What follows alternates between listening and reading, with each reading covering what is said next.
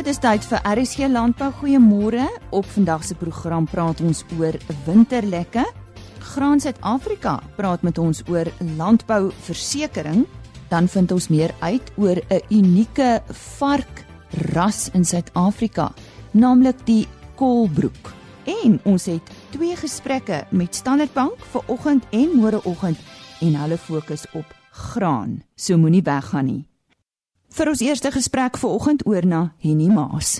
Ons uh, gesels met Kette van 'n Wald by Meadowvoere en ons gaan met haar gesels oor winterlekke. Uh, wat is die doel van 'n winterlek Kette? Die doel van 'n winterlek is basies om in die winter is daar baie nie voedingsstowwe in jou gras nie meer voldoende aan die diere te voorsien nie. Dan gee jy 'n winterlek om daardie voedingsstowwe aan te vul vir die diere sodat hulle nie kondisie verloor nie. En en uh, wat is die gevolg van enige tekorte wat die dier kan hê as hy nou nie hierdie uh, winterlekke kry nie? Die grootste tekort wat daar in kan kom is hulle kan kondisie verloor. Hulle kan tot 30 tot 40 kg liggaamsmassa verloor voordat jy nog kan sien daar's tekort. En dit kan lei tot swak konsepsie, swak speenkewig, swak kalvers en reproduksie is vertraag ensovoorts. En van wanneer af moet mense winterlek gee? Dit hang af van van streek tot streek in ons land, maar verkieslik, dit maar duimreël, is maar soos in die stuurveldstreke begin die boer al in Februarie voer en in die soetveldstreke begin hulle al in Maart maand voer. Maar soos ek sê, dit hang af van jou veiding wat beskikbaar is en jou area. En wat is die simptome wat 'n boer sal sien as as sy diere 'n proteïen of 'n energie tekort het?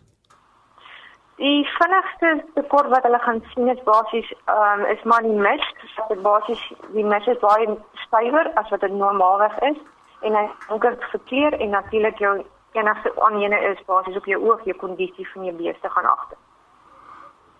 En as jy nou winterlekke kies, watter faktore moet jy in ag neem?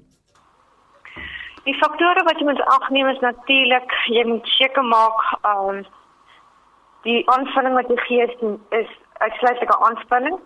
So jy moet in alle tye refoer gee. Hulle moet die vlekke moet in alle tye droog wees. Jy moet hulle inname monitor omdat jy jou onderhoudslekke hierin bevat. So dan beskaap en beeste kan nie dieselfde blok gee nie want jy moet hulle inname beheer. Jy moet die name in alle tye skoon water wees. Daar moet tye genoeg refoer soos ek sê want die lekker is net 'n aanvulling. Jy moet seker maak daar's genoeg spasie ruimte tussen die diere sodat daar nie een dier uitgesonder is en die ander nie en dan moet jy seker maak hulle is ook nie honger nie sodat hulle nie aan die voerbakke hardloop en dan oorvreet nie dan kan hulle urium vergiftiging kry. Is alle winterlekke dieselfde? Nee, alle winterlekke is nie dieselfde nie. Dit hang af van die streek en area waar jy in is en wat geformuleer word vir jou area. Jy het van uh, soet en suurveld gepraat. Watter invloed het uh die hierdie soort veld op die tyd wat uh die die die lekker vir die diere gegee moet word. Uh die soetvelde insit basies maar net in maart maand want hulle soetvelde voedingsware neem langer om af te neem as in jou suurveld. So jou soetveldgrasse is meer smaaklik tot in maart maand wat hulle begin afneem. En kette kan kan lekker in die plek van voer gegee word. Nooit want 'n lek is net 'n aanvulling wat jou veiding tekort het. So dit is net jy hy gee net basies jou minerale en jou proteïene aanvulling, maar dit is nooit 'n volledige voer nie. Hoekom word 'n lek in 'n lekvorm aangebied? Uh is daar 'n rede vir? Dit is net baie maklik verhanteerbaar vir boere om dit toe te dien in die veld. Dit kan in 'n uh blokvorm wees, jy kan 'n blok neersit of ek kan in 'n ou mix raak vir 'n plaas, so hulle kan dit in 'n selfmeng en dan gooi in 'n trof en alsa hulle kan fisies beheer wie oor die inname en sien hoe die diere dit eet. En dan kan ons sien wat se kondisie hulle op is.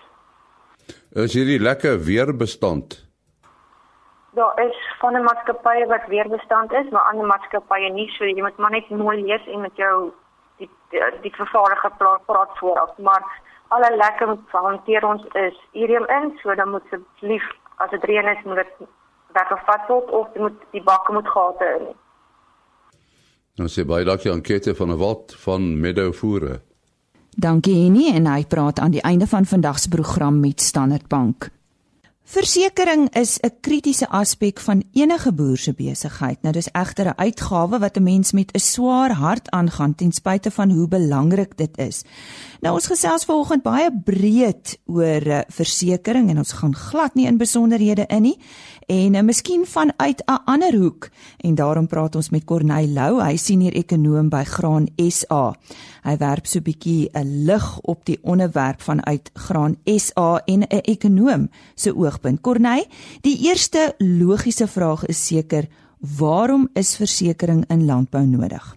Lise, dankie. Ek wil dalk graag net eers 'n bietjie agtergrond gee vir ons breër luisteraars daar buite. Wat mense in ag moet neem is dat Suid-Afrika as 'n semi-droë of a, as jy wil 'n semi-woestynland in terme van reënval geklassifiseer word. Ons pot altyd deur te sê as jy eers met vog kan boer, dan kan jy eers in Suid-Afrika boer. Suid-Afrika is dis 'n land waar onsekerheid heers oor klimaat en uh, voldoende reënval. En soos die weerpatrone kan verander, kan hierdie situasie nog verder uh vererger.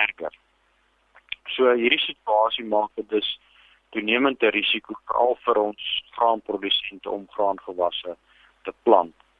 Daarom is nou met my lang storie uh belangrik om 'n uh, uh, versekeringsproduk in die mark te hê. Hoe werk landbouversekering in Suid-Afrika tans? Lise Thomson Suid-Afrika se versekerings in die in die graanbedryf spesifiek ook uh suiwer 'n uh, privaat aangeleentheid. Dis waar die uh bedryf dit dit word basies gedryf deur privaat maatskappye waar 'n produsent sy uh, produksierisiko probeer beskerm met die hulp van uh dan 'n privaat versekeringsmaatskappy. Nou afhangende van die produsent die spesifieke omgewing waarin hy boer en die en die uh, gewas wat hy plant uh, kom hierdie versekerings gewoonlik teen 'n uh, redelike hoë koste. En omdat Suid-Afrika se klimaat so wisselvallig is en omdat uh die die deelname uh deur produsente uh nie so goed is nie omdat dit uh so hoë koste het is die versekeringsbedryf vir 'n maatskappy ook nie noodwendig die winsgewendste bedryf. Maar hoe hoe vergelyk ons met ander lande? Wel, Lisa, as ons gaan kyk na veral lande wat voedselsekuriteit erns maak waar dit vir hulle belangrik is. Soos 'n uh, groot produserende land soos uh die FSA byvoorbeeld. Uh, dra die regering daar 'n enorme hoeveelheid by uh tot versekerings om dit meer bekostigbaar te maak aan die een kant en te help om die risiko wat produsente het aan klimaat te verminder.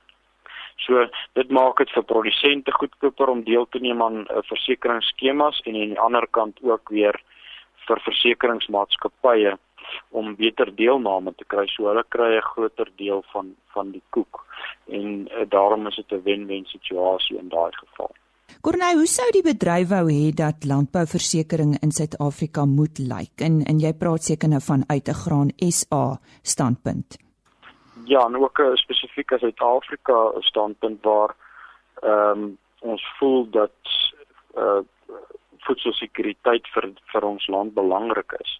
So dit sou goed wees as die staat kan help om in die toekoms van die produksie risiko te verminder deur te help om by te dra aan die versekeringspremies. Ons weet uh, uh, daar is daar is al nou vir 'n lang ruk deur die bedryf gewerk aan voorstelle en daar is tans voorstelle van die bedryf op die regering se tafel waar gekyk kan word na moontlike staats staatssubsidies um, op spesifiek uh, versekeringspremies om dit dan nou uh goedkoper te maak om deel te neem en hopelik het jy dan uh, beter deelname ehm um, wat dit dan ook vir die versekeringsmaatskappye uh, uh, meer lonend maak. Wat is die belangrikste raad wat jy nou vir 'n landbouer sou gee wat versekerings aanbetref? Ehm um, Lise ja, dit is dis 'n moeilike een. Ek dink mens moet versekerings as 'n deel van 'n boer se gereedskapkis sien. Dit is dit is ekstra gereed, gereedskapkis. Ag, uh gereedskapinstrument. So jy moet jy moet jou versekerings sien as as deel van hierdie pakkie saam met jou produksiepraktyke wat jy doen om jou risiko op die plaas te verminder. Jou keuses wat jy maak, moet jy versekerings sien as as deel van hierdie gereedskapkis om jou risiko vir klimaat, et sê dit droogte is of haal of brand, ehm um, dit kan gebruik as as deel om om van jou risiko op die plaas te verminder. En ons sê baie dankie aan eh, Corneil Lou, hy's natuurlik senior ekonom by Graan Suid-Afrika en hy het baie breed met ons gesels oor die belangrikheid van versekerings veral vir ons landbouers. Die kolbroek was 'n byna vergete varkras op sy tyd en dit was net goed genoeg om alle afval in en om die kombuis as ook op die werf te eet en bode skoon te maak. Nou gesels met dokter Dani Visser. Hy is 'n varkgenetika kenner en het navorsing op die kolbroek ras gedoen. Nou ons het al voorheen met dokter Dani Visser op RC Landbou gesels, maar dis daar 'n hele tydjie gelede en uh, miskien van ons luisteraars wat nou nie bewus is van wat is 'n kolbroek nie, so kom ons gesels weer daaroor. Geef ons 'n bietjie agtergrond Dani oor die herkoms van hierdie vark, die kolbroek. Morelise, wel ek dink die aanloop tot die naam kolbroek en wanneer en hoe hy volks eie geword is, is eintlik 'n geheimenis. Nêrens word daar aangeteken hoe die proses homself oor die afgelope 200 of 300 jaar uitgespeel het nie. En dan praat ons van die Kolbroek aan seker dat eintlik 'n legkaart en daar's twee of drie invalshoeke. Ek dink die belangrike een is hierdie skeepvaartroete uh tussen die Kaap en Indië destyds wat die Portugese basies die monopolie gehad het in terme van die skeepvaart. En ja, hulle het definitief het varke aan boord gehad. Dit sê nou vir kos vir die bemanning en dan ook waar hulle aan land aangedoen het, waar hulle begin onderhandel het en dan vir rylandel die varke gebruik het nou vir varsprodukte, melk, uh, botter, vrugte, groente ensovoorts. Ehm um, en dan weet ons ook Jan van Riebeeck spesifiek uh het die opdrag gekry van my lewe om uh varke aan die Kaap die goeie hoop te kom stig. Daar was definitief varke wat hy saam met hom gebring het. En stelselmatig het die varke begin om in Suid-Afrika te vestig en die Kolbroek het toe dit gestalte begin kry. Uh daar's ook 'n storie dat daar 'n skip gesink het daar naby Hanklip in Betty's Bay in die Weskaap en dat daar varke aan boord was en die varke het wal toe geswem en die skip se naam was die Kolbroek en van daar dan nou die naam Kolbroek spesifiek. Maar ek dink nie dit is die werklike oorsprong van die Kolbroek nie. Ek dink hy het definitief die skepe gekom en ons het hom en die boere uh, het hom eintlik dan nou ontwikkel tot 'n eie soort gevalkras. Danie, maar hoekom juis 'n kolbroek? Waar kom hierdie naam nou vandaan? Hierdie is baie interessant. Ek dink ehm um, daar's twee argumente wat hy kan aanvoer. Toe Jan van Riebeeck Kaap toe gekom het, was daar twee baie pertinente woorde in die Hollandse woordeskat wat op hom net was. Van die een is kolingbroek en die een is windsnyer en albei verwys na varkrasse. Nou kolingbroek is 'n laagliggende gedeelte in Holland wat vleiagtig is en daar kom wilgerbome en rooi elsbome voor. En my vermoede is hier dat daar waarskynlik varke van daai omgewing saam met Jan van Riebeeck na hierdie kant toe gekom het of daar is dan mense wat van daai area af gekom het. Hulle kom vestig het in die Kaap en daar was waarskynlik 'n tipe van ooreenkoms tussen die landskap in Holland en die landskap in die Kaap. En stelselmatig het die varke toe nou die naam Kolingbroek gekry. Ehm um, en dit begin volgens eie raak, maar daar's ook 'n ander argument dat as jy kyk aan die kleurpatroon, dan baie definitief op die broek van die varke is daar kolle wat voorkom. Het jy nou swart kolle of wit kolle?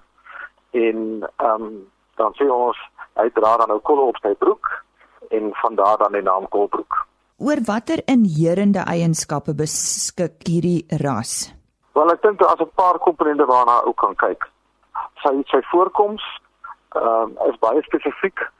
Ehm um, sy kleurpatroon is oorwegend swart, dis 'n klein raamtipe van vark wat ehm um, baie sterk nek, uh voorkwart ontwikkeling, 'n relatiewe kort vark het. Ehm um, is 'n stadige groeier, baie goed aanpasbaar en ook baie veelsidig. En ek dink ons kan weer teruggaan, jy weet, ongeveer 100 150 jaar gelede waar die kolbroek ja jaarliks ingespan is in die slagting van die van die beeste in die winter of beeslagtings of wat ook al geslag is en saam met dit gewoonlik 'n kolbroekvark geslag en spesifiek om die die die, die vleis aan te vul met baie goeie gehalte varkvet. Ehm um, jy het so vinnig genoem in die begin in terme van skoonmaker dat die koolbroek as 'n skoonmaker gebruik is definitief daar geen argument nie rondom melkerye en vrugteboorde op die plaas waar hy 'n fenominale skoonmaker en ook 'n baie mooi geaardheid gehad. Jy het varke die geneigtheid om te begin troffel in die tuin en die gras om te dop en ook van jou beddings en hierdie enige gerustige geaardheid maak dat hy nie na voorkeur aangaan met hierdie spesifieke eienskap nie. Ehm um, ek dink dat dit 'n baie besondere temperament het. Was jare terug in Steynsburg gewees en ek het 'n foto eintlik die meisietjie ontmoet toe sy 2 jaar oud was waar sy saam met die Kolbroek so en Kolbroek varkies gespeel het feitelik die hele dag en daar was 'n mooi band tussen die diere ook gewees. Nou dink ek die Kolbroek so baie aanpasbaar. Uh reg oor Suid-Afrika ook baie gehard hy uh, gehard in baie van die varksiektes en goeie immuniteit en aardorde. Kom ons vergelyk bietjie die kolbroek ras met ander rasse waarmee boere tans boer en dan wil ek sommer daarbey aansluit en vir jou vra om vir ons uh, dan uh, uh, uh, praat oor die winsgewendheid. Is dit die moeite werd om uh, met hierdie varkie te boer? Ja, ek dink die kolbroek definitief is 'n vark wat ekstensief aangehou word terwyl die moderne varkie dit intensief aangehou word. Hy het nie dieselfde reproduksie vermoë as die moderne varke waarmee geteele geproduseer word nie. Uh, maar daarmee staan moet ou sê alhoewel dit daar so goed as kleiner is, het hy pro rata 'n laer mortaliteit. Ehm um, ek dink dit is definitief 'n nisvark uh, wat 'n mens kan aanwend. Ons gaan nou nou daarby uitkom waar die moderne vark spesifiek wetenskaplik geteel is, die fokus op reproduksie, doeltreffendheid van groei, vleisopbrengs, min vlek, waar die kolbroek natuurlik meer vet en minder vleis het. Jou vraag in terme daarvan of hy winsgewend aangewend kan word, ek dink tog hy kan binne 'n nismark verband kan hy jou boerdery komplementeer uh, en as versekerde plek vir hom. Weet ons is in Suid-Afrika is baie lief vir jag en die maak van droëwors en boerewors, frikadelle, maalvleis is net nie dieselfde sonder vet en dan spesifiek die van 'n kolbroek vark wat uh, dit aanvul. Varkings en pap is 'n baie lekker lei en baie keer van die boeremarkte word dit daar verkoop. Ek dink wit varkvet wat uitgebraai is, soos jy eiers gaar maak, beskuitbak of aardappels braai, definitief 'n groot pluspunt daar. En terme van die maak van spesifieke salamies, hamme en organiese varkvleis, en uh, miskien varkenvleis soos hier, daar ook 'n plek. En dan dink ek daar gaan altyd 'n baie goeie aanvraag wees vir goeie teeldiere. Ehm um, die dins wat oorgespoel het van Amerika is dat vark word deesdae as 'n troeteldier gebruik en ek dink die kolbroek leen homself daartoe ook. Die teeling, kom ons brei bietjie uit daarop. Die sukses van die teeling met hierdie kolbroek hang ook af van verskeie faktore. Ehm um, kan jy vir ons bietjie daaroor vertel? Ja, ek dink jy het so spesifiek oor terme van teeling praat dan begin krap ons maar eintlik net die oortjies van die vark want dit is so 'n fantastiese onderwerp om oor te gesels maar ook nie altyd tyd daarvoor nie. Maar basies is daar vier komponente, so so vier bene van teeling. Die een sê altyd die teoretiese been en die tweede een is die biologiese been, dan die tegnologiese been en daai is baie belangrik die mark of die eindverbruiker waarmee jy moet kommunikeer. En en dis vir my vier boustene. Nou ek dink dat teeling met jouself vir jou vra waar bevind jy jouself in terme van die teelpiramide. Ehm um, het jy 'n spesifieke definisie van teeling wat jy navolg? Wat is jou teeldoelwit? En wat is die doelwit van teeling? En ek dink die doelwit van teeling moet eerder aard van die saak genetiese verbetering wees. En dan in terme van jou teeldoelwit moet jy hom baie fyn formuleer. Uh jy moet hom bedink, navors, wetenskaplik vir jou uitspeel en dan éventueel op skrif sit. En as jy daai teeldoelwit neergelê het, dan weet jy om in 'n rather spesifieke rigting te kan teel. Uh ek dink in terme van sekere drywers van genetiese verbetering die basisdiere waarmee jy begin, jy weet, en wat jou basis gaan vorm vir 'n kolbroeker is altyd baie baie belangrik. Daai heel eerste bousteen. daarmee saam baie noukeurige rekordhouding en diere identifikasie. Nou kan amper hierso gaan vir 'n 3 in 1. Uh, jy kan gaan vir 'n tatoeëermerk, jy kan gaan vir 'n oorknip en dan kan jy gaan vir 'n oorplaatjie en ek dink daai drie is belangrik want eh, enige oomblik van die dag, enige week van die jaar, enige jaar moet 'n vark heeltemal geïdentifiseerbaar wees. Ehm um, groot genopool is, altyd baie belangrik want van daar jy variasie van daar kan jy seleksie druk toepas. Uh toetsing, prestasie toetsing, weging, meting en hiermee saam die skaal is baie belangrik Ek dink jy moet vir ekonomies belangrike eienskappe selekteer. Jy moet heterose in jou teelprogram gebruik en jy moet jou inteling jy weet onder 6% hou. En dan baie belangrik, jy moet die dier in staat stel om optimaal te presteer. Met ander woorde, die regte voeding, uh, jy moet gesonde diere hê, jy moet die potensiaal wat hulle het eksploiteer. Uh, jy moet sorg dat daar goeie behuising is en dis komponente wat vir jou in staat kan stel om die dier optimaal te evalueer. Danie, ons moet ongelukkig afsluit. As uh, daar iemand is wat dalk bietjie meer oor hierdie varkras wil uitvind, die Kolbroek. Uh, wat stel jy voor? Uh, ek weet jy het 'n boek daaroor geskryf, is ek reg? Ja, dis dis dis reg, daar is 'n boekie geskryf, uh, die Kolbroek 'n kaleidoskoop van moontlikhede. En uh, hy is uh, verkrygbaar by Kaya van Knowledge Works. Hy is ook by weet in die, in die boekhandel kan mense hom bestel. So hy is uh, beskikbaar. Ons sê baie dankie aan Dr. Dani Visser vir daardie interessante gesprek oor die Kolbroek vark. Nou eers nuus oor 'n nasionale prysrekord vir sybokhaar skeersel. Die 4de sybokhaar veiling van die huidige 2018 somerverkoopseisoen het op meer as een manier opskudding veroorsaak. Dit was 'n uitstekende veiling gehou deur CMW in die sybokhaar beurs op Port Elizabeth op die 17 April.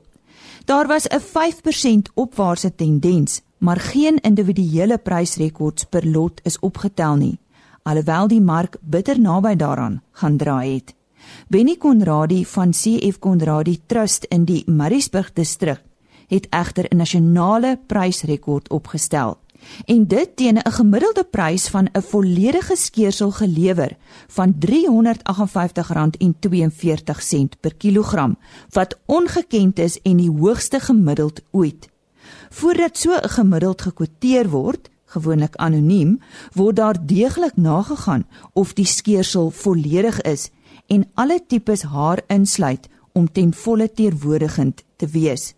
Daarby moet die skeerselmassa ook ten minste groter as 500 kg wees. Benny skryf die uitsonderlike sukses van die skeersel toe aan merkwaardig genoeg die droogte wat die haar baie fyner gemaak het of skoon dit ook natuurlik veroorsaak dat veel ingeboet word aan massa. Die hele skeersel deurloop natuurlik ook die EGT proses waar elke dier vooraf getoets word vir fynheid deur die CMW laboratorium en dit is die veseltak van OVK in Port Elizabeth. Volgens Peer van 'n vyfer bestuurder Sybokhaar by OVK het hulle reeds groot verwagtinge gehad toe die toetsresultate beskikbaar word en deur hulle ontleed is om 'n aanbeveling te maak aan Konradi. Die totale fynheid skeersel gemiddeld het te staan gekom op 25,51 mikron 'n pyl wat op sigself nog nooit behaal is nie. Die feit dat hierdie droogteskeersel steeds kon voldoen aan goeie gehalte standaarde, het baie te maak met die feit dat 'n Angora bok oorspronklik 'n woestyndier was en daardie kwaliteite steeds in die gene is. Die Angora bok staan ook bekend as die dier wat die beste omset het ten opsigte van kos ingeneem teen vesel geproduseer. En ons sê weer eens baie geluk aan Benny Konradi van CF Konradi Trust in die Mariesburg distrik. Ons sluit nou weer aan by Henny Maas. Ja, dit is geen geheim dat graanprodusente besondere uitdagings in die gesig staar nie. Dis veral met die mielieprys wat tans op 'n laagtepunt is. Prysbestuur is dus een van die kritieke prestasieareas van graanboerdery. Selfs so belangrik soos gewaskeuse.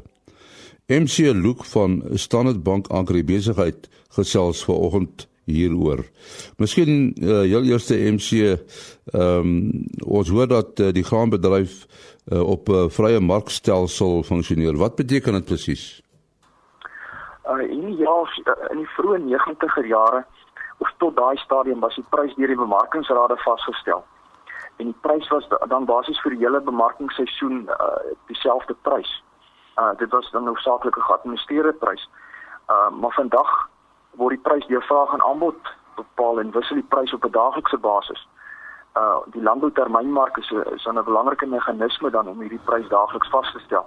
Maar dit beteken dat die prys binne uh die seisoen heelwat veranderlik is. Uh heelwat meer veranderlik is as in die daad van die van die bemarkingsrade. En en watter faktore speel 'n uh, uh, rol by uh, prysvorming? Kyk, graan is 'n internasionaal verhandelbare kommoditeit en daarom is daar twee uh, belangrike weerstandsvlakke en dit is invoer en uitvoer pariteitsprys. So invoer pariteitsprys is is die gelande ehm um, koste om graan in te voer van vanaf die buiteland op op Randfontein en so is uitvoerpariteit die realisasie van uh, van uh, om graan uit te voer vanaf Randfontein. So um, dit is belangrike weerstandsvlakke en dan beweeg die plaaslike prys dan tussen daardie uh, tussen daardie weerstandsvlakke en dan word die plaaslike prys grootliks dan beïnvloed deur deur die plaaslike produksieomstandighede en natuurlik voorraad oordragte van die vorige seisoene. Ons sit byvoorbeeld vir jaar gaan ons plus minus 4 miljoen ton oordraf uh, na hierdie nuwe bemarkingsseisoen. Sowel as goeie bemarkings of of goeie produksietoestande wat gegeld het die afgelope seisoen, so ons gaan 'n goeie oes ook hê. So ons het 'n surplus mielies in die land en dis hoekom ons prys dan nou uh, um, op op uitvoer uh, pariteit lê. En uh, hoekom behoort 'n graanprodusent 'n goeie verskansingsstrategie te hê? Dit is nou 'n integrale deel van sy prysbestuur. Ja, die prysrisiko op graanpryse is is is relatief hoog. As ons kyk na geelmielies is dit oor die 23% en by witmielies is dit so so hoog soos 31%. Nou wat dit is is die veranderlike komponent in die mielieprys van een seisoen tot die volgende seisoen. En net te bereken ons dan nou deur ehm um, die standaardafwyking op die ehm uh, langtermyn uh, of die 5 jaar gemiddelde reële prys van mielies te bepaal. En en dit is 'n is nogal 'n groot komponent. Ons het byvoorbeeld die afgelope seisoen bietjie meer as 'n jaar gelede het die mielieprys beweeg vanaf invoerpariteit want ons het uit 'n droogte uitgekom tot met tot en met uitvoerpariteit en ons het hierdie geweldige oes gehad die afgelope seisoen. En en dit het beteken dat in in so 10 dae se tyd het die het die beurs met tot R1000 'n ton uh geval.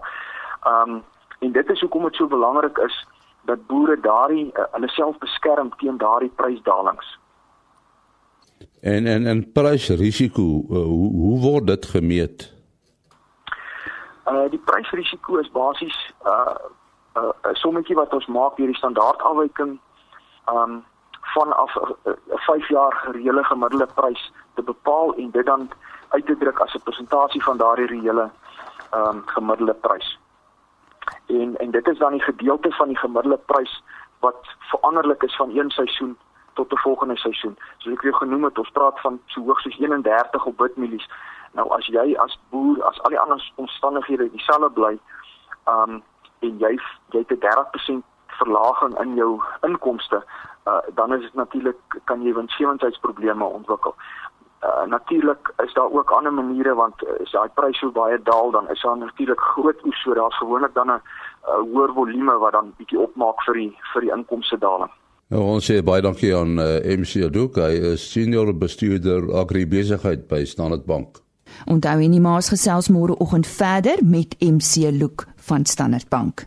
Ook op môreoggend se program ons laaste weer waarhede en Adri Kitshof Botha van Wildbedryf Suid-Afrika gee terugvoer oor hulle konferensie. Tot môre dan, totsiens. RSG Landbou is 'n produksie van Plaas Media. Produksieregisseur Henny Maas. Aanbieding Lisa Roberts. En inhoudskoördineerder Jolandi Root.